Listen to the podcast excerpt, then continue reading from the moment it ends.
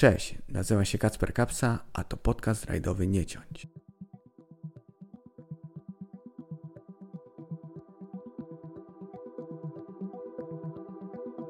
W tym odcinku zajmiemy się kierowcami wyjątkowymi.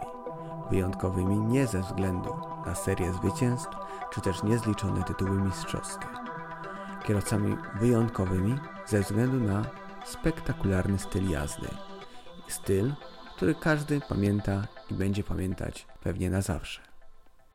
W rajdach można rozróżnić trzy główne typy kierowców. Pierwszy typ to kierowcy konsekwentni i regularni. Kierowca konsekwentny i regularny zazwyczaj mieści się w tej samej kategorii co seryjni mistrzowie, ponieważ kierowca tego typu potrafi kalkulować, potrafi wyliczyć ile musi jechać i jak szybko musi jechać, żeby wygrać dany rajd. Druga kategoria to kierowcy ciułacze, ciułacze punktów dla drużyny. Dla nich cel zespołowy jest ważniejszy niż cel indywidualny. I ci kierowcy są ważnym trzonem wielu zespołów fabrycznych.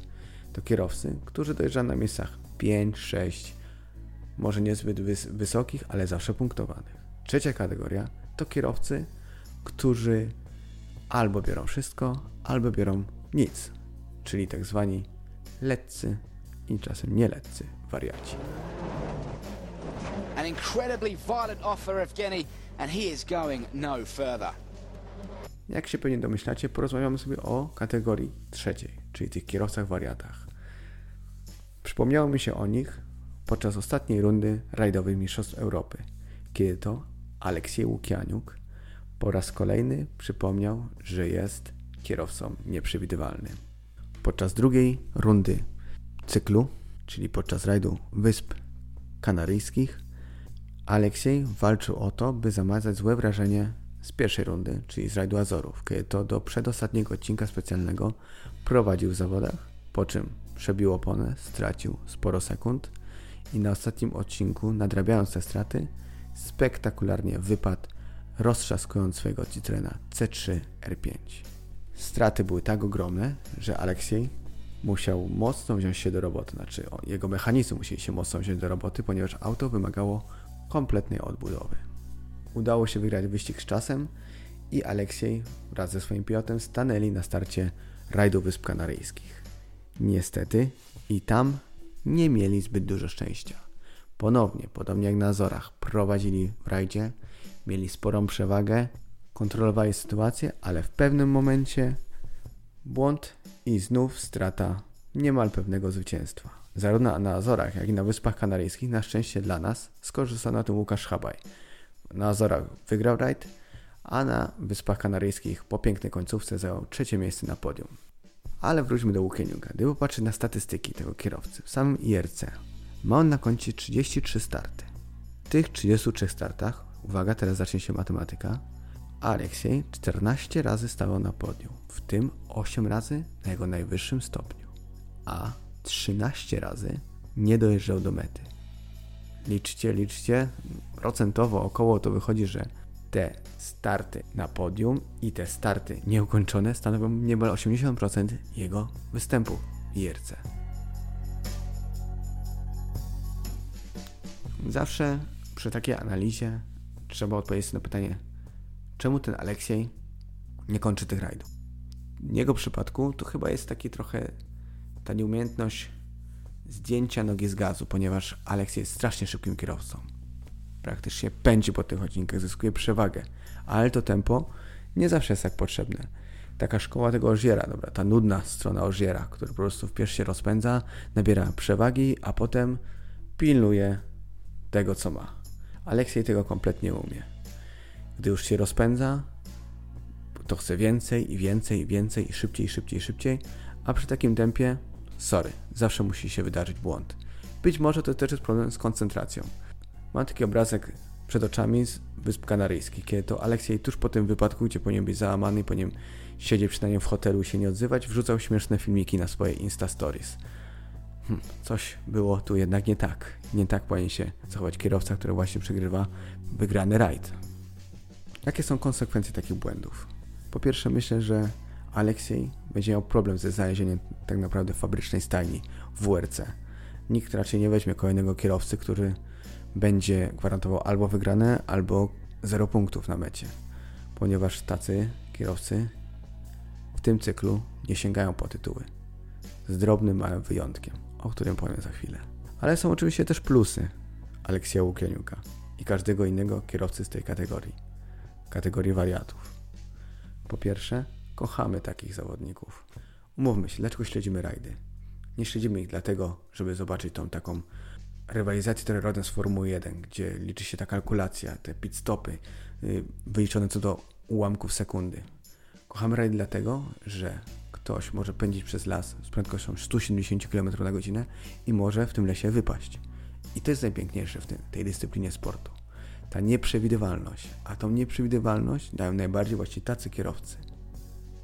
Alex jest oczywiście jednym takim kierowcą, bo takich kierowców jest przynajmniej kilku. Dwóch z nich nadal ściga się w Mistrzostwach Świata. Próbuje zatuszować swoje cechy charakteru i dojeżdżać do mety i punktować dla swoich zespołów, ale wychodzi to różnie. Pewnie domyślacie się, że chodzi mi o Ota Tanaka i o Chrisa Mika, którzy mają na koncie parę spektakularnych wypadków. Na szczęście ten pierwszy Ot Tanak w końcu chyba znalazł receptę, jak opanować tą swoją zbyt szybką jazdę i jak może punktować w końcu i walczyć o tytuł Mistrza Świata. Jednak chciałbym się zatrzymać przy dwóch innych punktach, przy dwóch innych kierowcach, którzy dla mnie są takimi symbolami jak Łukianiuk w tym momencie, obecnie i z przeszłości. Pierwszym z nich jest, jak pewnie się domyślacie, gdy myślicie kierowca wariat, to Colin McRae. Nie przypadkiem Aleksiej Łukianiuk ma na swoim koncie kupę nagród imienia Colina, ponieważ mają oni sporo wspólnego. Drugim kierowcą jest zawodnik z naszego podwórka, czyli Filip Niwet. I teraz zobaczcie. Mamy tych trzech zawodników. Nie wybrałem ich przypadkowo. Każdy jeden z nich ma na koncie tytuł.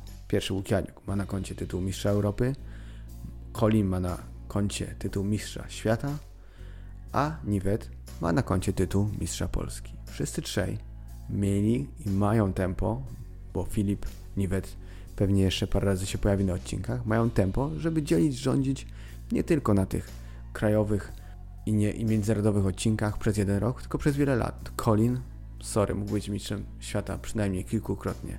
Filip Niwet, gdyby tylko się postarał, gdyby jeździł częściej i może bardziej regularnie, też pewnie mógłby, mógłby skończyć z kilkoma tytułami mistrza Polski, a nie jednym. No ale wróćmy do chyba symbolu rajdów, czyli do Colina McRae.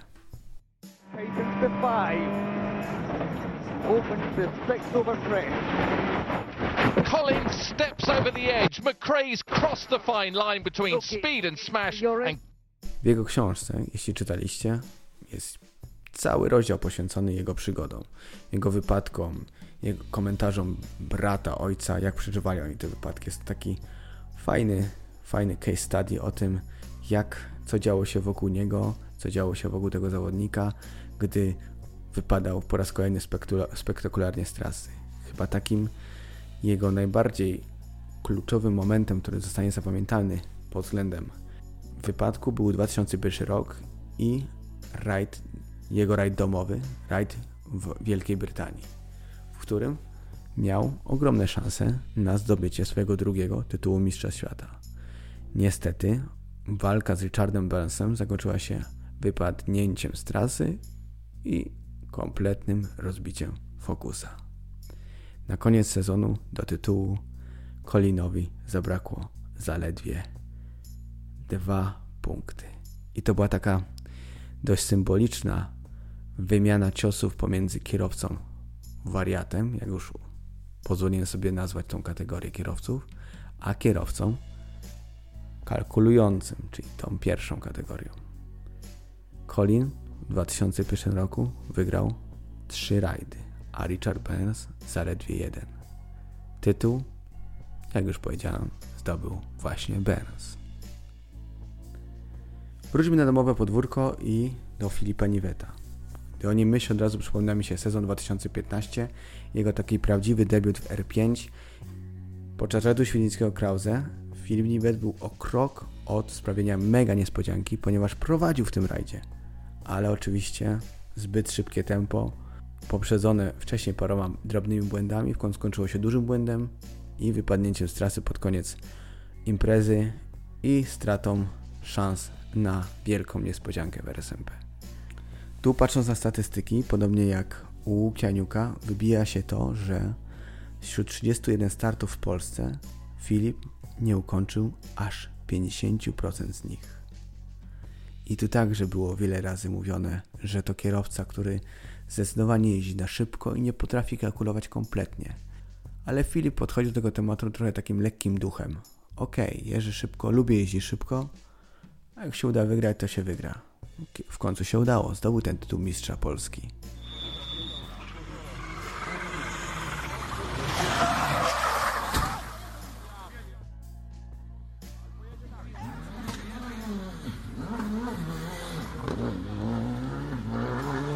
Tych trzech kierowców łączy naprawdę bardzo dużo. Każdy z nich w pewnym stopniu stanie się albo stał się już legendą rajdów. Colin to niekwestionowany symbol rajdów samochodowych. To człowiek, o którym, gdy ktoś się zapyta o rajdy samochodowe, kto nie ma pojęcia o rajdach samochodowych, to pierwszego, kogo wymieni, to wymieni Colina McRae.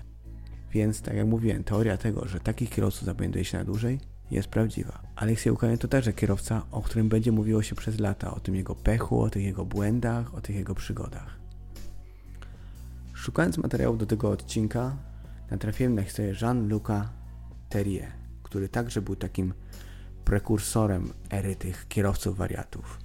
Wielu wspomina go jako kierowcę, który był materiałem na Mistrza Świata. Jednak podobnie jak jego późniejsi spadkobiercy, nie potrafił dostosować właściwego tempa do utrzymywania się na trasie. Co ciekawe, prowadził on już naprawdę taki mocno nonszalancki styl jazdy, ponieważ zazwyczaj przed rajdami nie urządzał sobie zapoznania z trasą. Korzystał z czyichś notatek, jak się to kończyło, wiadomo, poza drogą, ale gdy udawało się trafić tę drogę, to był on naprawdę piekielnie szybki. Podsumowaniem tego podcastu niech będą słowa Waltera Rola o Żanie Lukieterie. Moim zdaniem było jednym z największych talentów rajdowych, jakich poznałem. Bardzo szanuję i podziwiam takich ludzi jak on. Oceniając kierowcę tylko po jego rekordach jest nie do końca sprawiedliwe, ponieważ patrząc na klasyfikację rajdu, nigdy nie dowiemy się, czy zwycięzca trenował 15 razy, czy był po prostu geniuszem. Dziękuję bardzo za uwagę. Dajcie znać koniecznie, który jeszcze kierowca zasługuje na miano wariata i być może pokłóćcie się, bo któryś z moich wymienionych rajdowców nie powinien się znaleźć w tych gronie. Zdradzając temat kolejnego odcinka, mogę tylko powiedzieć, że będzie dotyczył polskiego kierowcy, nie wariata, bardzo ważnego w historii polskich rajdów i będzie się ten odcinek wiązał także z nagrodą. Dzięki za uwagę. Cześć.